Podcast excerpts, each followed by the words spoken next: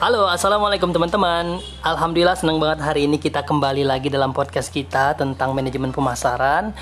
Kalau di bab-bab sebelumnya kita sudah bahas tentang segmentasi, targeting dan positioning, juga minggu lalu kita sudah bahas tentang branding. Nah, sekarang sudah waktunya kita masuk dan membahas tentang produk nih teman-teman ya. Kalau STP berhubungan dengan siapa yang akan kita tuju targetnya, kemudian bagaimana benak eh positioning benak eh, produk kita di benak konsumen. Kalau branding bagaimana mempackage dan juga manfaat brand itu sendiri, bagaimana strategi tentang branding. Nah, sekarang kita bahas tentang produk. Nah, nanti kita akan bahas tentang seputar bagaimana mengkonsep produk, kemudian klasifikasi sebuah produk dan juga kita akan membahas tentang PLC atau product life circle ya, siklus hidup sebuah produk dan juga bagaimana nih mengembangkan produk baru dan juga bagaimana marketing tentang jasa ya. Jadi di materi podcast kita hari ini full kita akan bahas tentang yang namanya produk. Oke teman-teman, silahkan simak dari awal sampai selesai ya.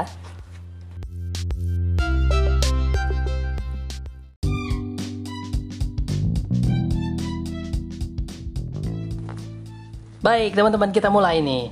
Kita akan bahas tentang produk. Pasti kalau kita masuk ke sebuah supermarket, kita akan menemukan berbagai macam produk di sana. Mulai dari produk kecantikan, kebutuhan rumah, kemudian perlengkapan di kamar mandi, uh, snack dan lain-lain. Nah, sebenarnya apa sih yang dimaksud dengan produk itu sendiri? Nah, teman-teman, produk itu mencakup segala sesuatu yang memberikan nilai atau value untuk memuaskan kebutuhan atau juga keinginan seperti barang berupa fisik. Kalau fisik itu bisa dilihat ya, tas, kacamata, sepeda motor dan lain-lain atau juga berupa jasa nih teman-teman yang intangible yang nggak bisa dilihat tapi bisa dirasakan.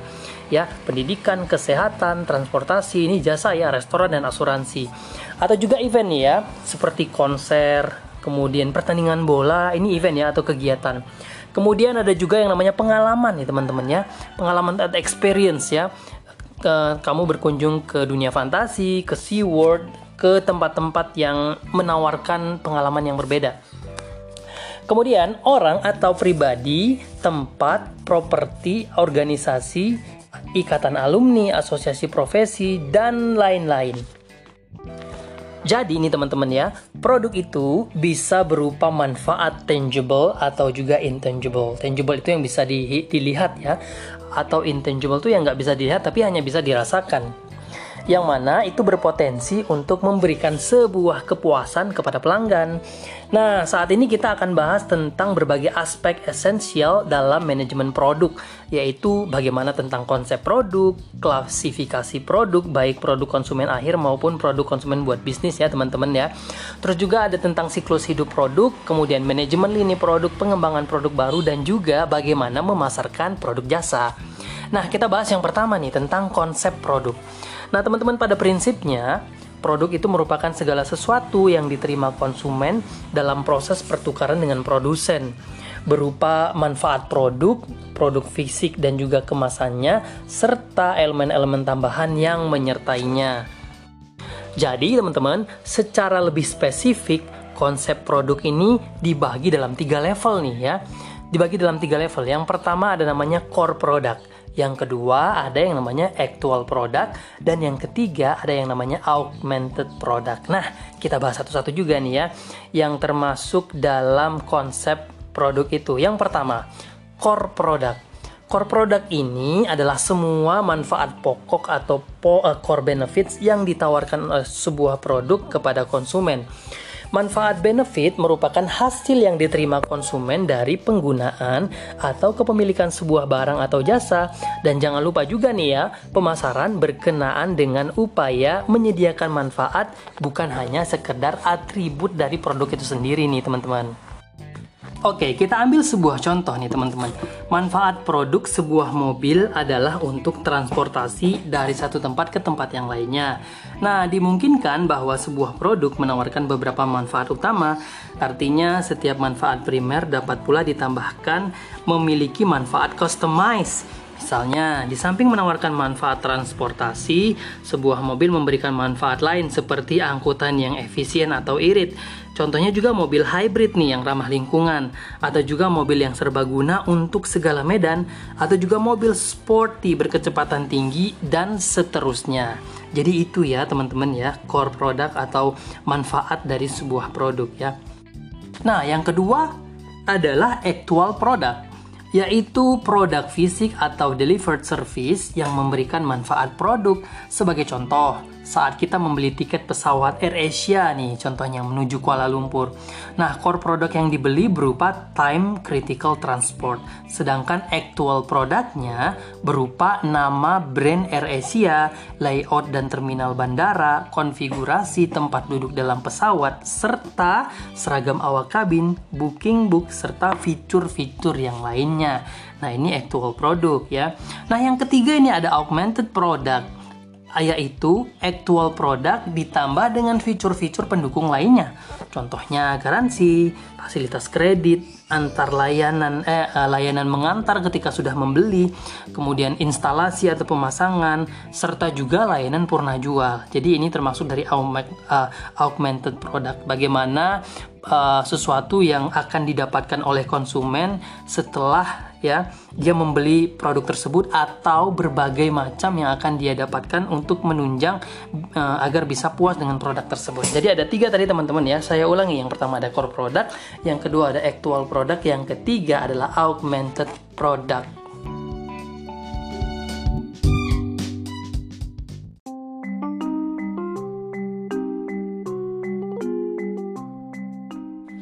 Oke teman-teman kita lanjut. Kalau dari sisi marketing nih ya, setiap pemasar itu memiliki dua pilihan pokok dalam merancang strategi sebuah produk nih teman-teman. Bagaimana merancang strategi sebuah produk? Yang pertama ada yang namanya strategi diferensiasi nih, yakni menawarkan berbagai macam elemen augmented product tadi sebagai faktor pembeda produk yang ditawarkan. Jadi si elemen augmented ini menjadi sesuatu yang beda dari produk yang mereka tawarkan. Contohnya nih teman-teman, uh, ada sebuah hotel berbintang 5 yang menyediakan beraneka layanan tambahan. Contohnya spa, sauna, antar jemput dari dan ke bandara, kemudian kamar yang luas, di kamarnya ada meja kerja, ada ruang tamu, dan di, di dalam kamar hotel ada fasilitas tersebut. Nah, full service airlines menyajikan berbagai fasilitas. Kalau tadi hotel, sekarang contohnya uh, apa namanya penerbangan ya, ada nonton video, mendengarkan musik, dry cleaning, koneksi internet di, di udara ya, menu hidangan yang lebih variatif dan aneka layanan yang lainnya. Nah, sebaliknya, pilihan yang kedua adalah back to basic strategic, yaitu produk minimalis yang berfokus pada elemen-elemen fundamental saja pada core product dan juga actual product. Melalui cara ini, pemasar berusaha meraih efisiensi biaya. Mungkin contohnya kalau untuk penerbangan AirAsia, uh, AirAsia ya. Kalau yang tadi yang pertama itu contohnya mungkin Garuda menawarkan berbagai macam kelebihan uh, servis di penerbangan. Nah, sementara uh, low cost penerbangan dengan biaya rendah ya pasti mereka menawarkan uh, harga yang murah tetapi dengan beberapa fitur yang dikurangi nih teman-teman. Nah, tentu saja itu dilakukan yang mana mewujudkan harga yang relatif murah bagi konsumen. Ya, seperti saya bilang ya ada budget airlines atau juga hostel atau wisma nih untuk turis yang backpacker. Jadi mereka nggak membutuhkan beberapa macam fitur-fitur ya. Karena konsumen kan berbeda-beda. Ada yang memang kebutuhannya butuh kamar yang luas tadi ya, butuh fasilitas spa dan lain-lain. Ada juga yang budgetnya disesuaikan dengan kebutuhan mereka. Jadi dalam kaitannya dengan proses, ke, eh, proses keputusan pembelian sebuah produk, setiap konsumen dihadapkan pada begitu banyak pilihan produk. Nah, manakala pilihan-pilihan tersebut serupa atau mirip satu sama lainnya, maka harga ini akan menjadi kriteria utama untuk keputusan pembelian. Jadi ketika ada uh, sebuah produk yang memiliki kesamaan ya, otomatis yang bersaing selanjutnya itu adalah harga ya teman-teman ya. Nah, situasi seperti ini biasanya ingin dihindari oleh para pemasar. Salah satu caranya adalah menawarkan point of differentiation dalam wujud dalam berbagai wujud bentuk ya ukuran warna fitur-fitur produk bisa berupa atribut atau karakteristik kinerja produk contohnya internet perekam suara, dan lain-lain. Nah, sesuai dengan tingkat harga yang harus dibayar oleh konsumen, contohnya bahan, bak bahan bakar kali ya, premium, ini kan beda dengan Pertamax, ada Pertamax Plus. Nah, ini menunjukkan kualitas uh, performance dari bahan baku tersebut. Nah, sesuai dengan yang dijanjikan produsen dan konsumen dengan pemasarnya. Contohnya, ketika kamu pengen membeli handphone, nah otomatis range harga tertentu akan memiliki kelebihan-kelebihan uh, apa nama fitur tertentu dari handphone. Harga sekitar 2 jutaan mungkin kelebihannya apa, baterainya jangka panjang atau mungkin harga handphone yang lebih mahal di atas 5 juta mungkin ya kapasitas memorinya lebih besar, kemudian daya tahan baterainya lebih tinggi. Jadi setiap produk itu menawarkan uh, apa namanya value produknya sendiri-sendiri.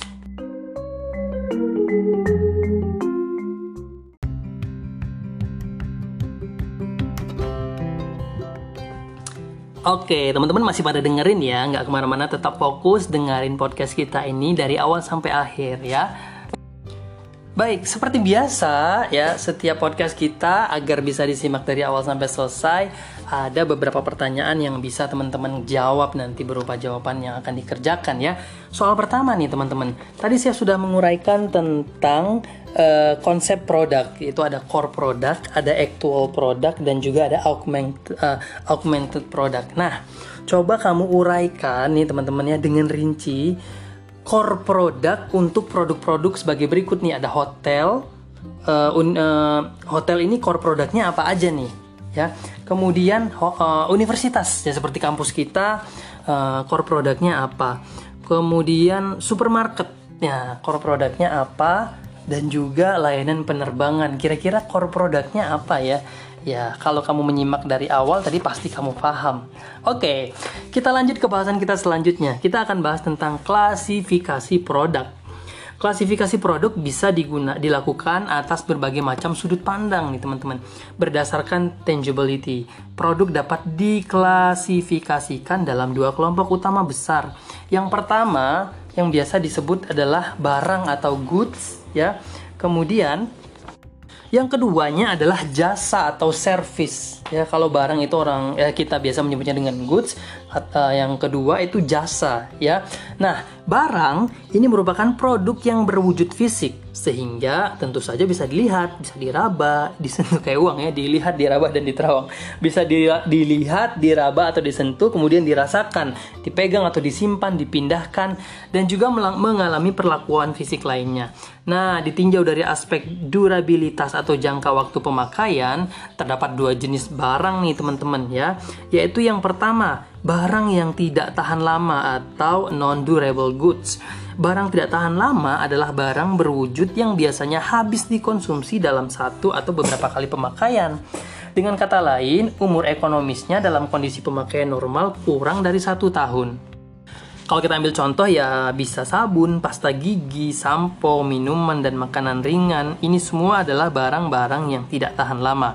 Oleh karena barang jenis ini dikonsumsinya dengan cepat atau dalam waktu singkat dan frekuensi pembeliannya lebih sering, maka strategi yang paling tepat adalah menyediakannya di banyak lokasi, menerapkan markup harga yang kecil dan juga mengiklankannya secara gencar untuk mendorong konsumen agar mencobanya dan sekaligus untuk membentuk preferensi produk.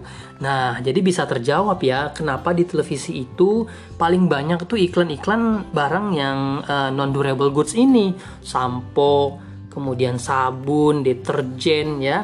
Karena apa? Karena mereka memang harus mengiklankannya secara gencar untuk mendorong konsumen agar mau mencobanya sekaligus untuk membentuk preferensi produk tersebut ya.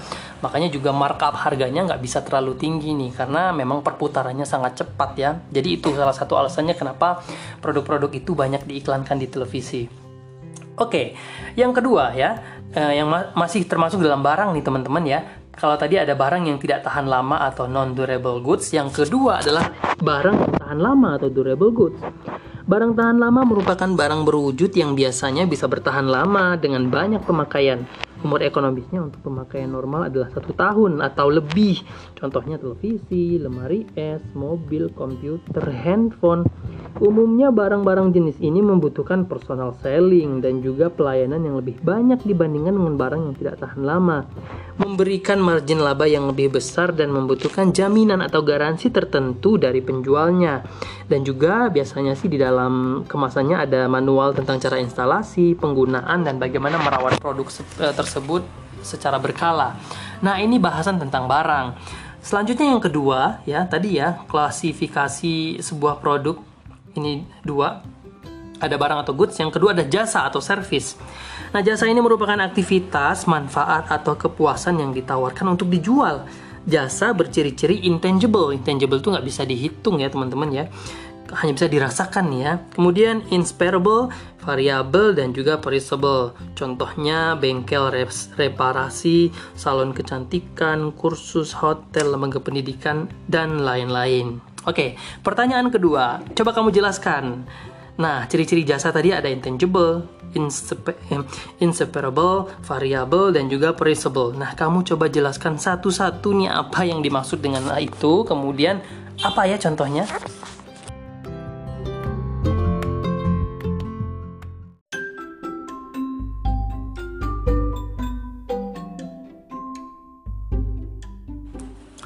Baik, teman-teman kita lanjut lagi ya.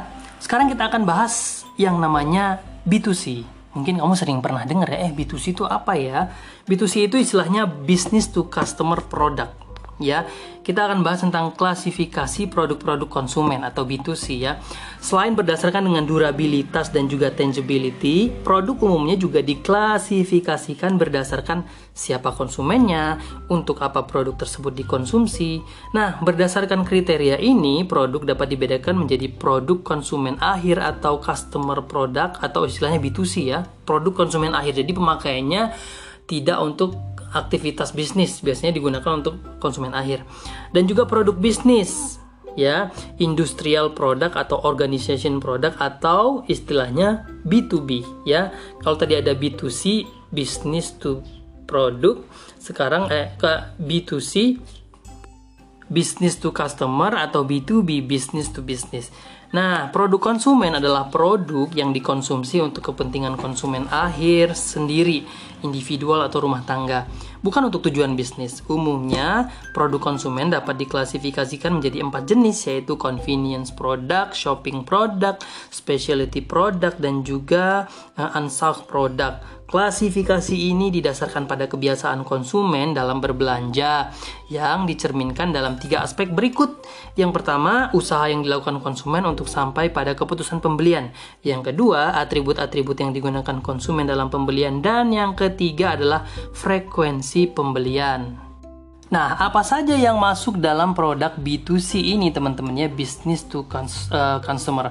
Yang pertama ada convenience product. Convenience product merupakan barang dan jasa yang pada umumnya memiliki frekuensi pembelian yang tinggi atau sering dibeli. Dibutuhkan dalam waktu yang segera dan hanya memerlukan usaha yang minim untuk mendapatkan uh, dalam perbandingan dan juga pembeliannya. Contoh convenience goods itu ya rokok, sabun, pasta gigi, baterai, permen dan lain-lain.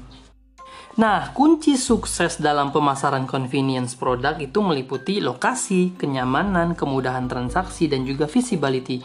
Convenience produk sendiri masih dapat dikelompokkan menjadi tiga jenis nih teman-teman, yaitu stepless, impulse product dan juga emergency product. Step adalah produk yang dibeli konsumen secara reguler dan rutin, misalnya sabun, pasta gigi, shampoo, beras, telur, mie instan dan lain-lain. Sementara impulse product merupakan produk yang dibeli tanpa perencanaan terlebih dahulu ataupun usaha-usaha untuk mencarinya. Biasanya impulse product tersedia dan dipajang di banyak tempat yang tersebar sehingga konsumen tuh nggak perlu repot mencarinya. Contohnya permen, coklat, ya Makanya kita sering lihat nih produk itu di dekat kasir ya, di dekat kasir di depannya. Kadang-kadang kita tuh nggak niat pengen beli, tapi ketika kita lihat, oh oke okay, kita pengen beli produk ini ya. Nah yang ketiga itu ada emergency product adalah produk yang dibeli bila kebutuhan spesifik dirasa konsumen sangat mendesak atau tidak terduga, misalnya payung, jas hujan, kemudian jasa tambal ban, kemudian obat-obatan P3K. Nah, ini semua tiga poin ya yang termasuk dalam convenience product. Ada staples, impulse product, dan juga emergency product. Nah, uh, yang kedua yang masuk dalam produk B2C ini adalah shopping product. Shopping product adalah produk yang dalam proses pemilihan dan pembeliannya dibandingkan oleh konsumen di antaranya berbagai alternatif yang tersedia. Kriteria perbandingan tersebut meliputi harga, kualitas, warna, dan modelnya. Contohnya alat-alat rumah tangga nih, pakaian dan mebel. Nah, teman-teman, shopping product terdiri atas dua jenis, yaitu homogeneous shopping product dan juga heterogeneous shopping product. Nah, homogeneous shopping product ini merupakan shopping product yang oleh konsumen dipersepsikan dalam hal kualitas, tetapi berbeda signifikan dalam hal harga. Dengan demikian, konsumen berusaha mencari harga yang termurah dengan cara membanding-bandingkannya dari satu toko dan toko lainnya. Sementara heterogeneous shopping product adalah shopping product yang aspek karakteristik atau fiturnya dianggap lebih penting oleh konsumen daripada aspek harganya. Dengan kata lain, konsumen mempersepsikannya berbeda dalam hal kualitas dan eh, fitur-fitur uh, produk. Contohnya perlengkapan rumah tangga, mebel, pakaian, dan lain-lain. Oke, okay.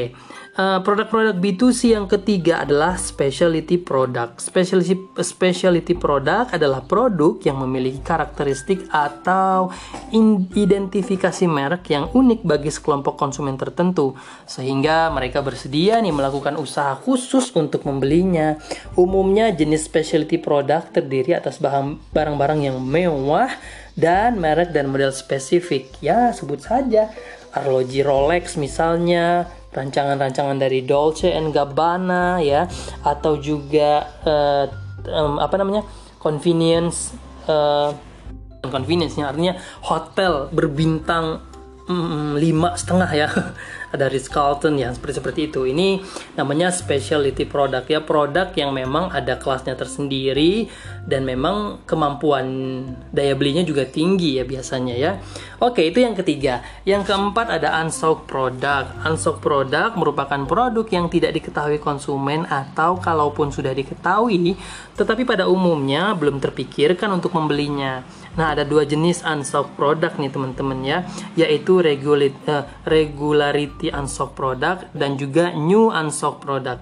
Nah, regularity unsold product ini adalah produk yang sebetulnya sudah ada dan diketahui oleh konsumen, tetapi tidak terpikirkan untuk membelinya. Contohnya buku-buku tebal ya, kalau dulu ada ensiklopedia, kemudian batu nisan ya, tanah kubur, peti jompo dan lain-lain ya kita tahu ya ada barang itu tapi kayaknya kita belum tertarik deh untuk membelinya. Nah, yang kedua itu adalah new unsold product ya, adalah produk yang benar-benar baru dan sama sekali belum diketahui konsumen. Jenis produk ini merupakan hasil inovasi dan pengembangan produk baru sehingga belum banyak konsumen yang mengetahuinya. Nah, jadi itu dia tadi teman-teman ya, produk-produk yang masuk dalam klasifikasi produk B2C.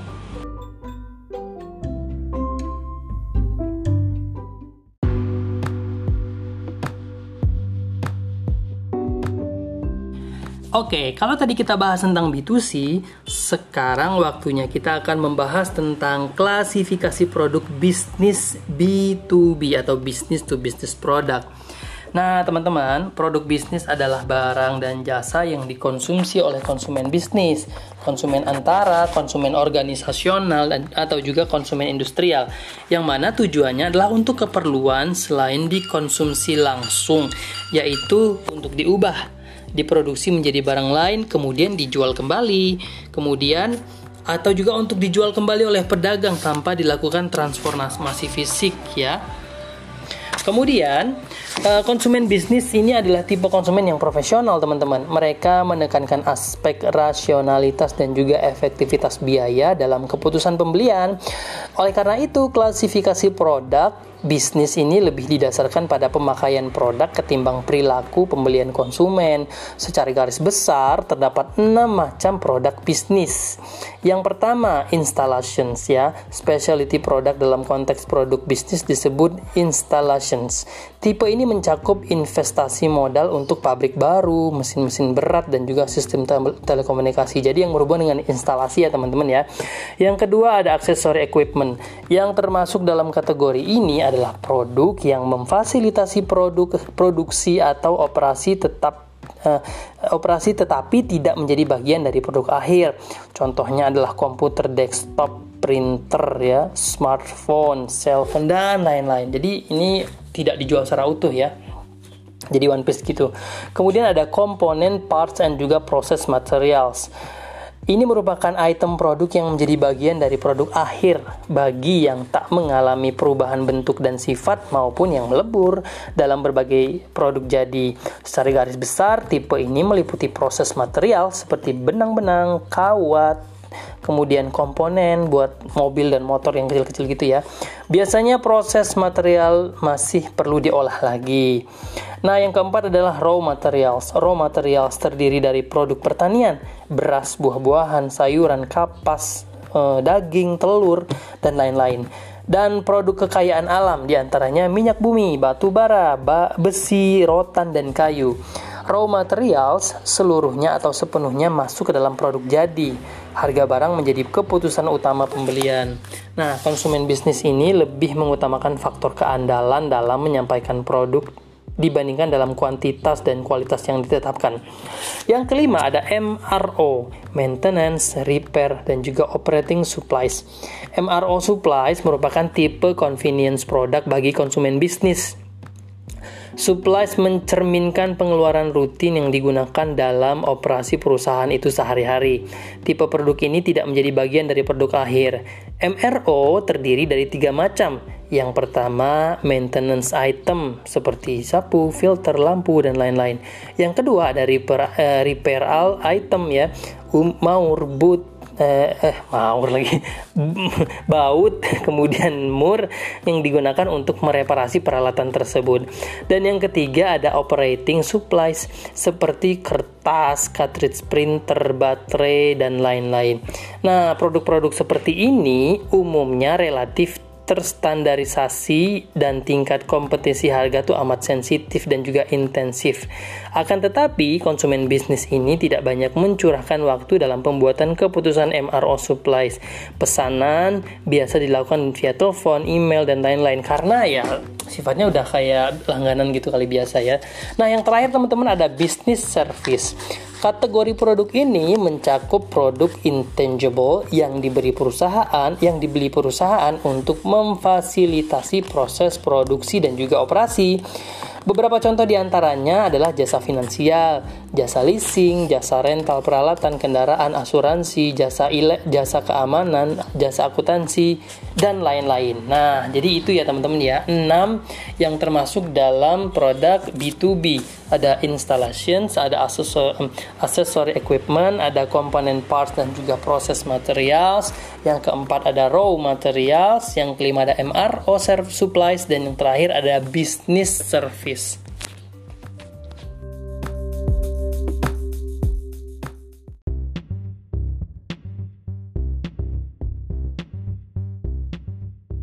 Oke, sekarang sudah waktunya kita bahas tentang siklus hidup produk atau istilahnya PLC ya, product life cycle. Nah, mendeskripsikan secara grafis riwayat penjualan sebuah produk atau kelas produk sejak pertama diperkenalkan ke pasar sampai dengan saat ini yang ditarik dari pasar, konsep PLC dipopulerkan pertama kali oleh Levitt dalam sebuah artikel yang judulnya di Harvard uh, Business Review ya. Konsep ini didasarkan pada asumsi bahwa penjualan total dan juga profitabilitas sebuah produk berfluktuasi mengikuti pola-pola tertentu selama hidup hidup produk tersebut. Dengan kata lain, perubahan penjualan produk dapat diprediksi. Pola klasik PLC ditunjukkan di mana sumbu vertikal menunjukkan penjualan dan juga profitabilitas sedangkan yang horizontal menggambarkan waktu. Nanti bisa di googling ya teman-teman ya gambar dari VLC. Nah, tugas nomor tiganya adalah kamu googling apa itu produk life cycle ini, kemudian kamu jelaskan apa saja yang masuk di dalam PLC itu tersebut ada diagramnya nanti ya. Silakan googling dan nanti dikerjakan dalam tugasnya.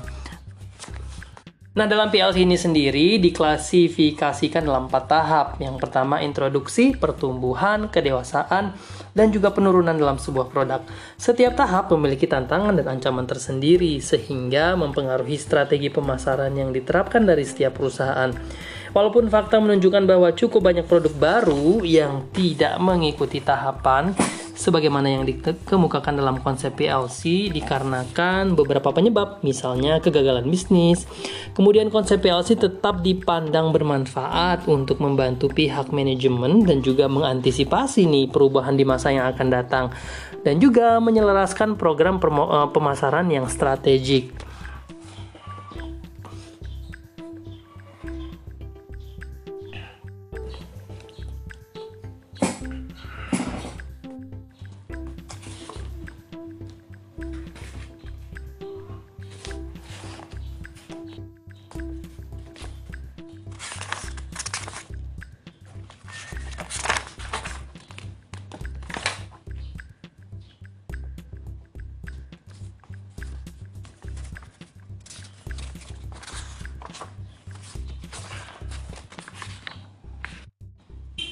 Bisa teman-teman lihat nanti pada tabel nanti akan saya share ya teman-teman ada e-booknya tentang bahasan ini nanti teman-teman bisa lihat nih cukup banyak banyak banget aspek-aspek yang uh, berhubungan dengan pertimbangan kompetitif ini sendiri.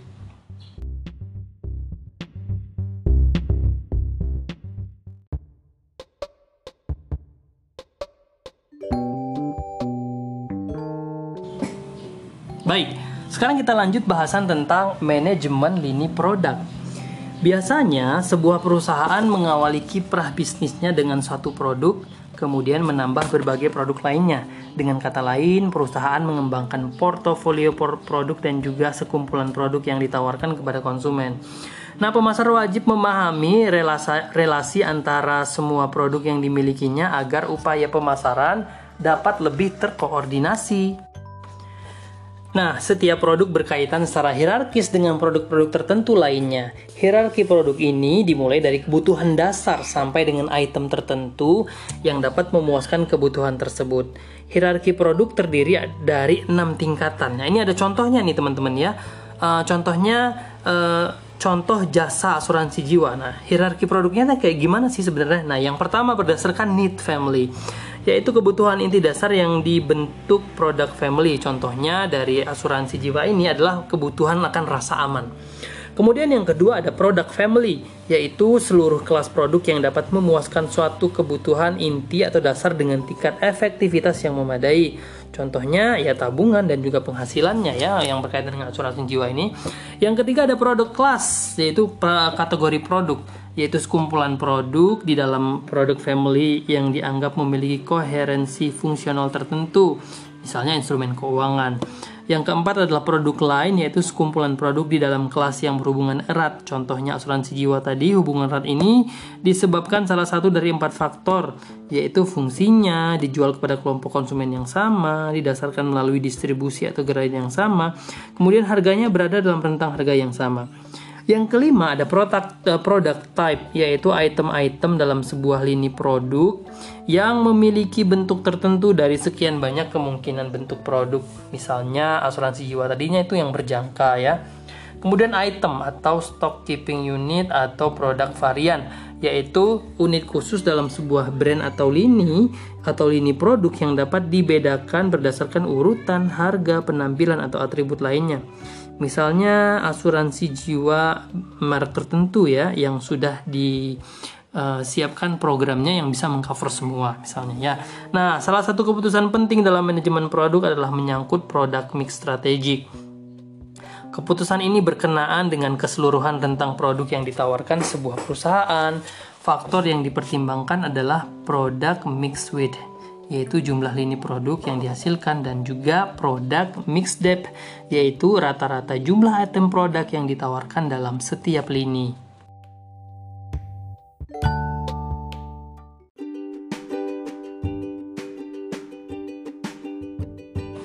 Nah, teman-teman, seiring dengan berjalannya waktu, penambahan produk baru e, menjadi pilihan strategik yang patut dipertimbangkan. Perluasan atau penambahan lini produk dapat dilakukan dengan dua cara.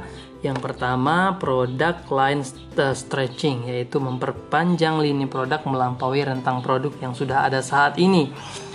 Pilihannya ada tiga cara. Yang pertama, downward stretching, ya ini perusahaan yang melayani segmen kalangan atas meluncurkan pula lini produk yang harganya lebih murah dan ditujukan bagi konsumen kelas menengah atau bawah. Tujuannya adalah dengan memanfaatkan peluang sebelum pesaing masuk atau membalas serangan pesaing pada segmen kelas atas, serta memanfaatkan pertumbuhan pasar di segmen menengah dan bawah. Contohnya nih kalau kita lihat di Indonesia downward stretching ini ya penerbangan misalnya ya. Kan Garuda Indonesia bermainnya di segmen kelas atas. Kemudian mereka juga masuk ke segmen low cost dengan meluncurkan Citylink. Nah, ini eh, bagaimana perusahaan meluncurkan produk agar di eh, agar memanfaatkan peluang sebelum pesaingnya itu lebih banyak masuk ya. Sementara low cost juga sangat diminati juga ya sesuai dengan uh, apa namanya kemampuan konsumennya dalam memilih penerbangan. Nah, kalau yang tadi ada downward stretching, yang kedua upward stretching, yakni perusahaan yang semula berfokus pada segmen konsumen kalangan bawah kemudian meluncurkan pula lini produk bagi segmen kalangan menengah atau atas. Tuju tujuannya adalah untuk membangun prestis pada produk-produk saat ini. Nah, contohnya Lion Air nih. Kalau kalau tadi dia downward, yang produk awalnya adalah sudah premium, kemudian dia menyasar produk di bawahnya. Nah, kalau kasus pada Lion Air, karena mereka sudah e, menguasai perusahaan penerbangan di low cost, mereka juga masuk ke penerbangan premium dengan meluncurkan batik air ya teman-teman. Ini upward stretching namanya. Kemudian ada boot direct stretching yaitu perusahaan yang melayani segmen kalangan menengah menambah lini produk bagi kalangan bawah dan atas. Contohnya hotel nih teman-teman ya. Ada juga Marriott menambah beberapa jaringan hotelnya seperti Renaissance Hotel, eksklusif, eh, eh kemudian Marriott untuk manajer puncak dan juga manajer media serta Marriott Stay untuk mereka yang membutuhkan akomodasi untuk sebulan atau lebih. Nah, contoh lainnya adalah iPod yang semulanya diposisikan untuk segmen menengah, kemudian ditambah dengan shuffle dan juga nano ya, down stretch dan juga uh, in, shuffle dan nano ini untuk downward stretchingnya ya, dan juga iPod touch untuk upward stretching. Jadi teman-teman pasti lebih paham ya produk-produk yang tadi ada downward stretching ya yang sudah ada di produk kelas menengah kemudian dia turun kemudian upward stretching ada produknya di kelas uh, menengah kemudian dia membuat yang high classnya ada juga yang boot direct uh, direction stretching yang menerapkan keduanya itu tadi cara pertama teman-teman ya produk line stretching yang pertama kalau yang kedua ada namanya produk line filling yakni menambahkan item pada lini produk yang sudah ada saat ini. Misalnya, Apple menambahkan beraneka aksesoris untuk iPod, mulai dari gelang tangan sampai dengan docking station, dan beberapa tujuan yang ingin dicapai lewat produk line filling antara lain memperoleh laba tambahan, memuaskan dealer, mem memanfaatkan kapasitas berlebih, dan berusaha menjadi perusahaan yang full line terkemuka dan juga menutup semua celah peluang bisnis dari incaran para pesaing. Akan tetapi, produk line filling yang kebablasan berpotensi menimbulkan kebingungan di kalangan konsumen. Sebenarnya dia melayani segmen apa ya? Nah, jadi itu. Jadi sebenarnya lebih kepada aksesoris pelengkapnya kayaknya ya teman-teman ya kalau pro, uh, produk line filling ini. Jadi menunjang si produk utamanya. Jadi seperti itu.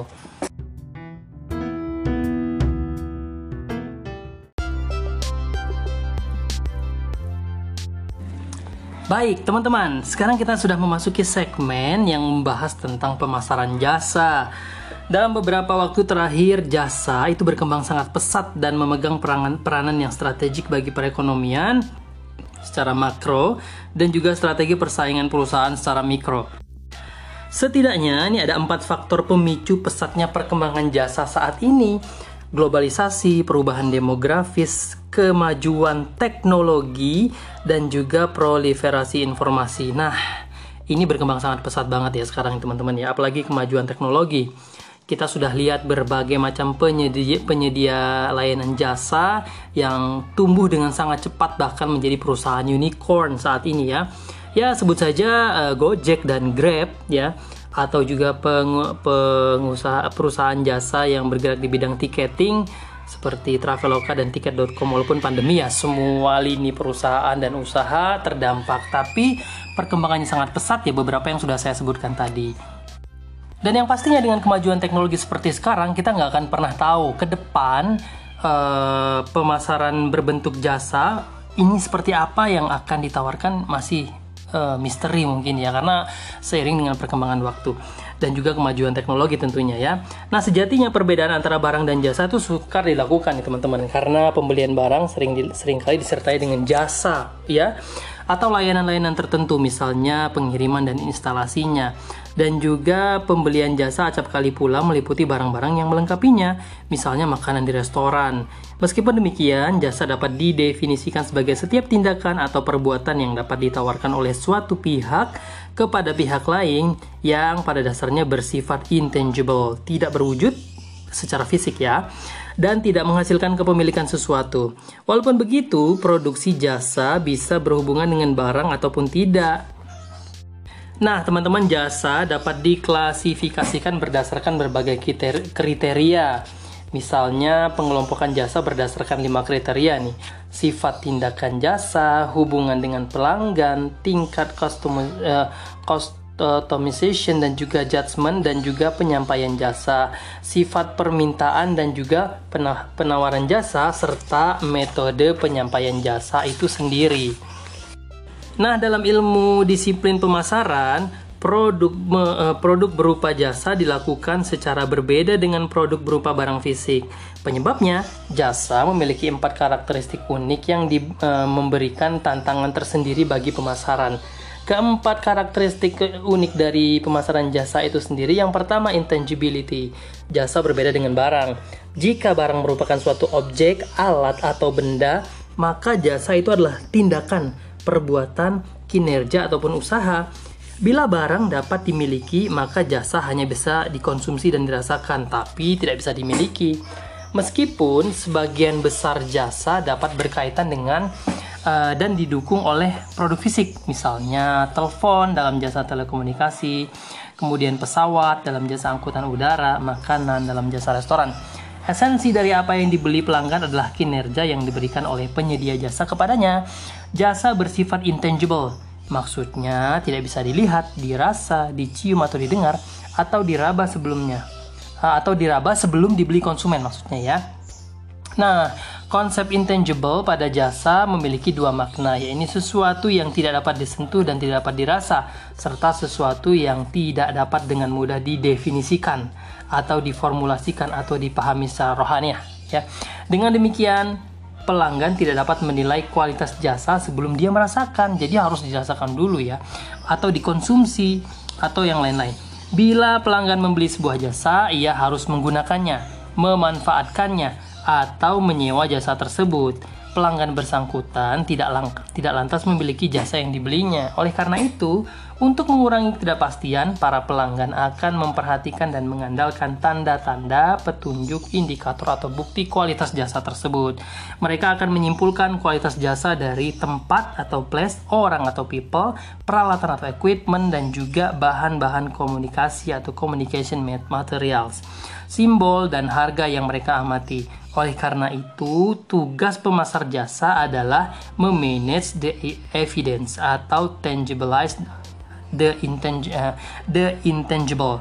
Dalam hal ini, pemasar jasa dihadapkan tantangan untuk memberikan bukti-bukti fisik dan juga perbandingan perbandingan pada penawaran abstraknya.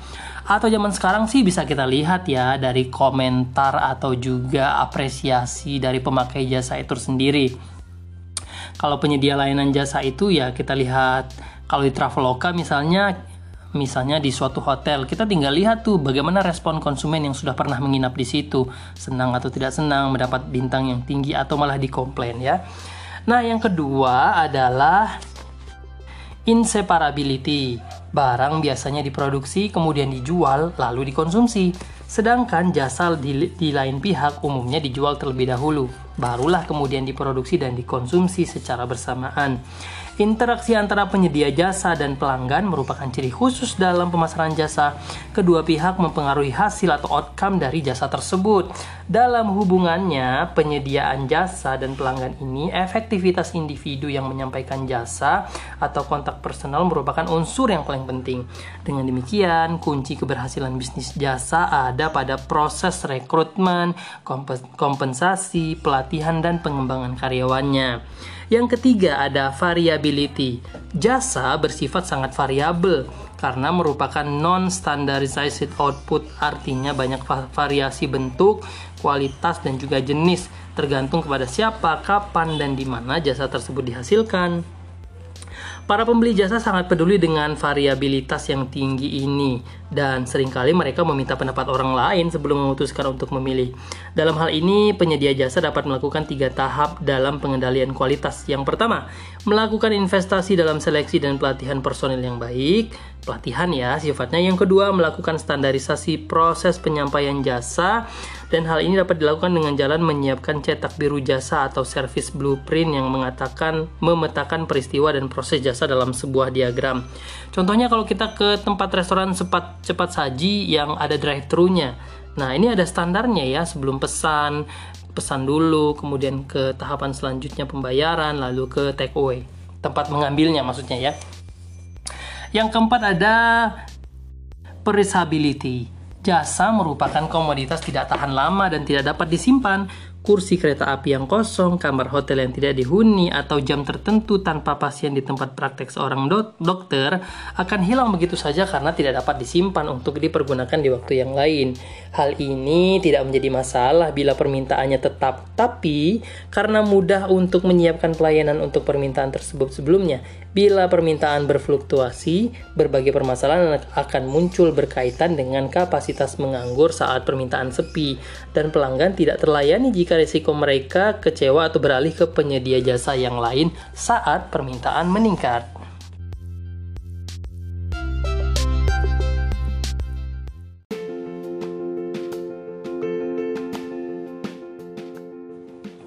Nah, teman-teman, secara garis besar, strategi pemasaran jasa yang pokok berkaitan dengan empat aspek utama. Yang pertama, melakukan diferensiasi kompetitif. Yang kedua, mengelola kualitas jasa. Yang ketiga, mengelola produktivitas serta mengelola penawaran dan permintaan jasa. Oke, kita bahas satu-satu ya. Yang pertama, melakukan diferensiasi kompetitif. Perusahaan jasa wajib melakukan diferensiasi melalui inovasi yang bersifat preventif dalam jangka panjang. Preemptive ini dimaksudkan adalah implementasi strategi yang baru bagi bisnis tertentu sehingga bisa menghasilkan keterampilan atau aset yang dapat merintangi, mencegah atau menghalangi para pesaing untuk melakukan duplikasi atau membuat tandingannya. Perusahaan jasa dapat didiferensiasikan dirinya melalui citra di mata pelanggan misalnya melalui simbol-simbol dan brand atau merek yang digunakan. Selain itu, perusahaan dapat melakukan diferensiasi kompetitif dalam penyampaian jasa melalui tiga aspek yang dikenal dengan 3P tambahan selain itu 4P ya berupa produk, service, price dan juga promotion dalam pemasaran jasa.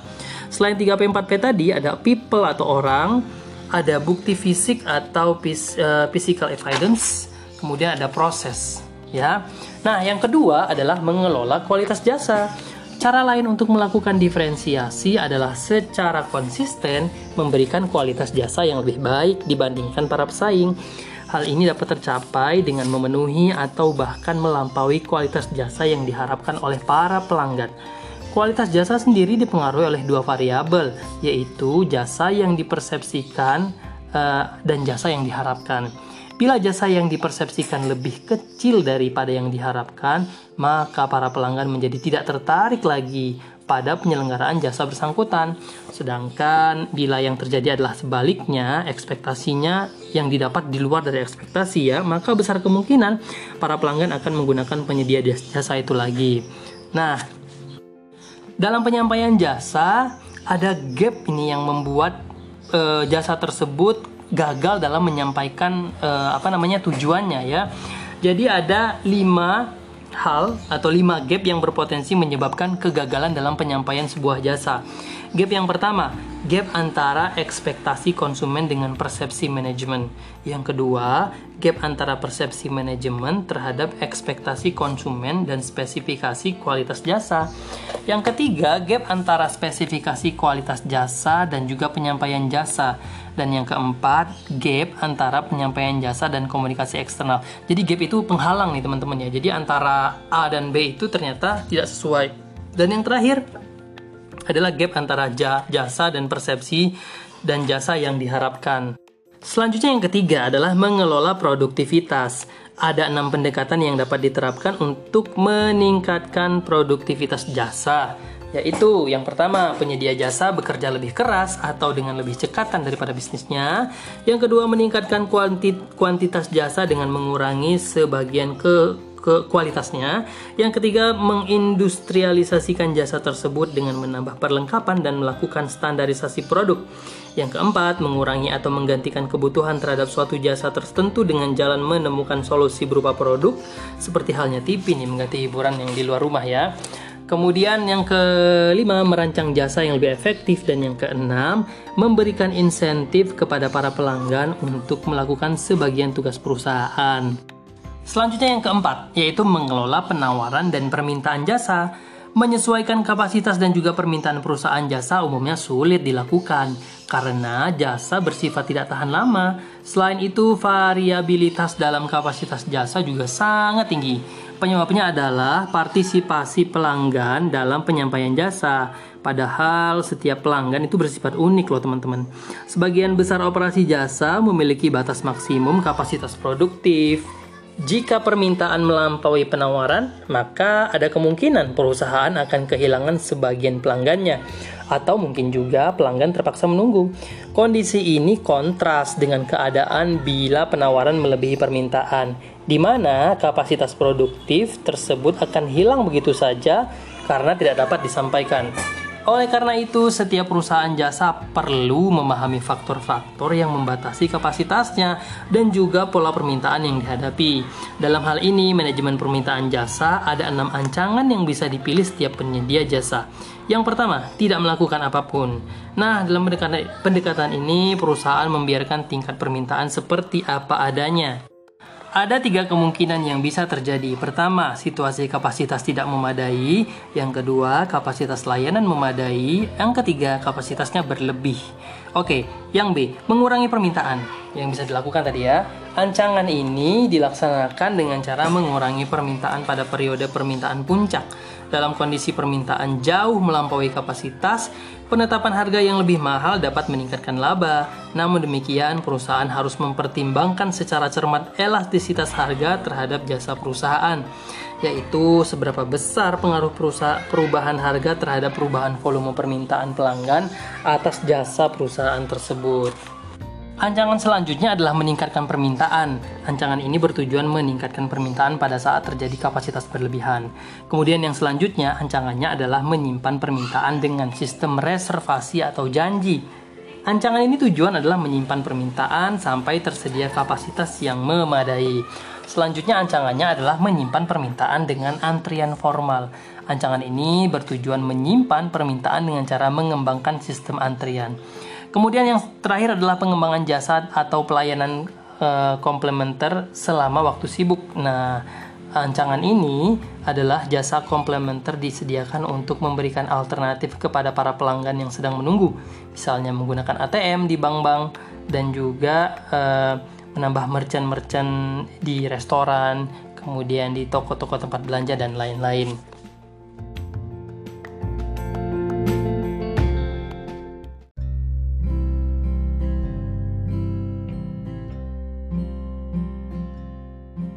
Nah, sementara itu, strategi yang bisa dipilih perusahaan jasa untuk menyesuaikan kapasitasnya dengan tingkat permintaan yang berfluktuasi antara lain menggunakan karyawan part-time, menyewa berbagai fasilitas peralatan tambahan, jadi nggak usah keluar modal buat beli ya, cukup disewa.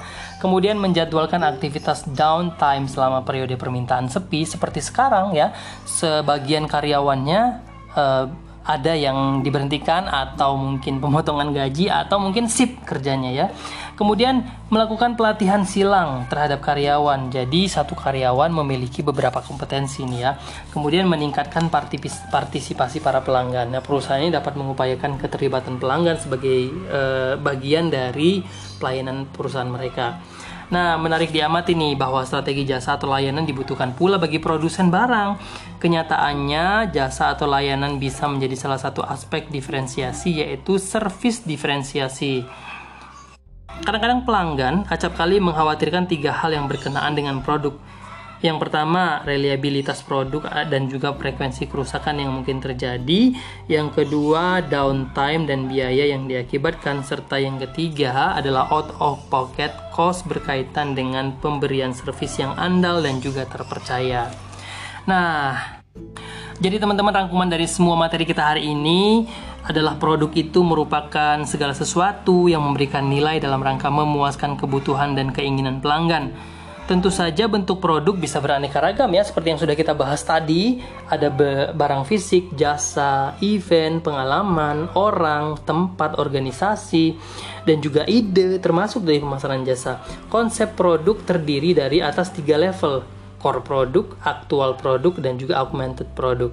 Produk bisa diklasifikasikan berdasarkan dengan bar, e, berbagai basis seperti durability, tangibility, dan juga tipe konsumen. Nah, berdasarkan tangibility, produk dibedakan menjadi barang dan jasa. Berdasarkan jangka waktu pemakaian, barang dikelompokkan menjadi barang tahan lama dan barang tidak tahan lama. Sementara itu, berdasarkan tipe konsumen, produk terdiri atas B2C dan juga B2B.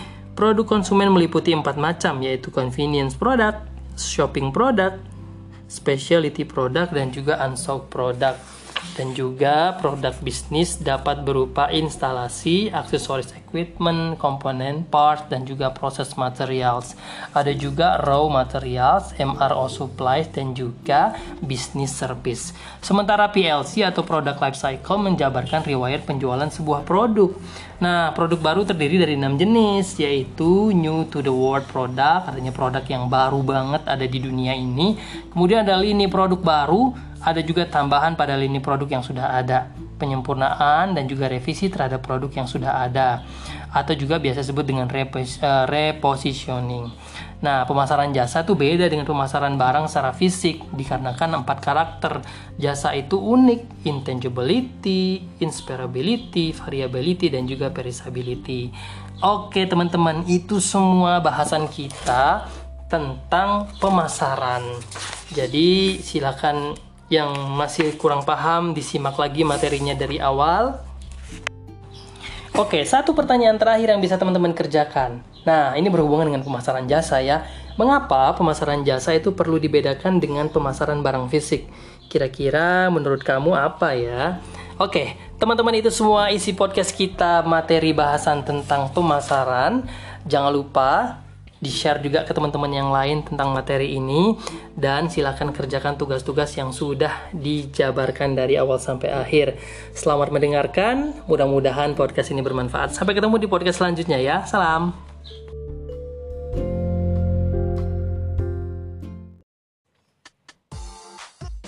Hai, terima kasih sudah mendengarkan podcast ini dari awal sampai habis yang membahas tentang manajemen pemasaran. Kita akan ketemu lagi dengan podcast selanjutnya dengan bahasan yang berbeda. Dengerin terus ya. Bye.